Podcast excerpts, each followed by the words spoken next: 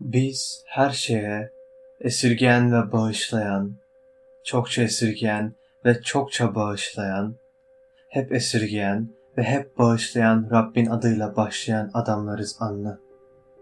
Büyücülerin, haramilerin, borsacıların, reklamcıların, korsanların, işgalcilerin, bankacıların elinden kurtulmamız da bundan.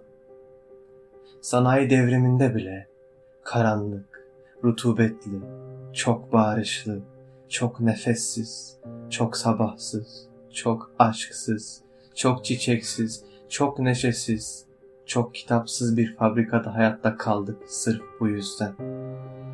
Piyasaların hınçla dolu iniş çıkışlarına kalbimiz dayanıyor bir şekilde.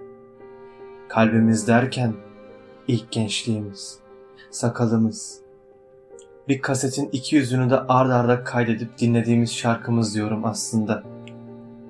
İşte böyle yaşıyoruz. Ve yaşamak da sana dair uzayıp giden bir özleme dönüşüyor. İnsaf et anla. Gidelim buradan. Senin masumiyetini, bilgelik zamanlarından kalma sırları, dünyanın bütün sabahlarını yanımıza alıp da gidelim. Hesap etmeden, haritaya bakmadan gidelim. Ölelim diyecektim az kalsın. Ölmeyelim. Hiç ölmeyelim anla. Sarılalım diyecektim az kalsın. İçimden böyle şeyler de geçiyor işte. Sarılalım. Dudakların. Tamam, sustum. Gitmek istemezsen bir şiir miktarı kadar otursak diyorum. Şiir kalsın istersen. Sadece otursak. Oturmasan da olur benimle. Sadece ellerimi tut. Ellerimi tutma dilersen. Sadece yüzüme bak. Yüzüme bak ama anla. Yüzüme bak. Gözlerime bak. Gözlerimin içine bak.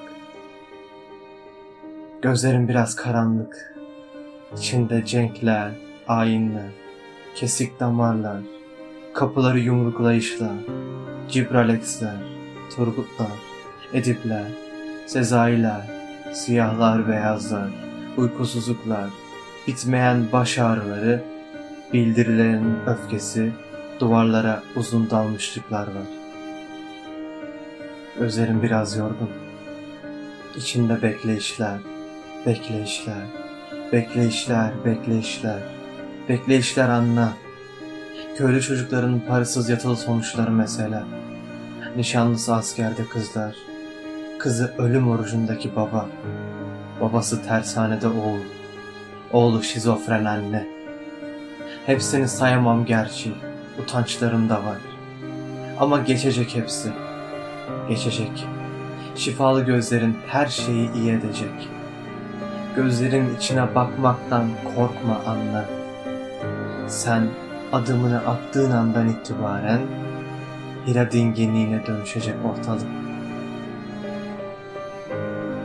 Belki de Tanrı da konuşur biz, bizimle.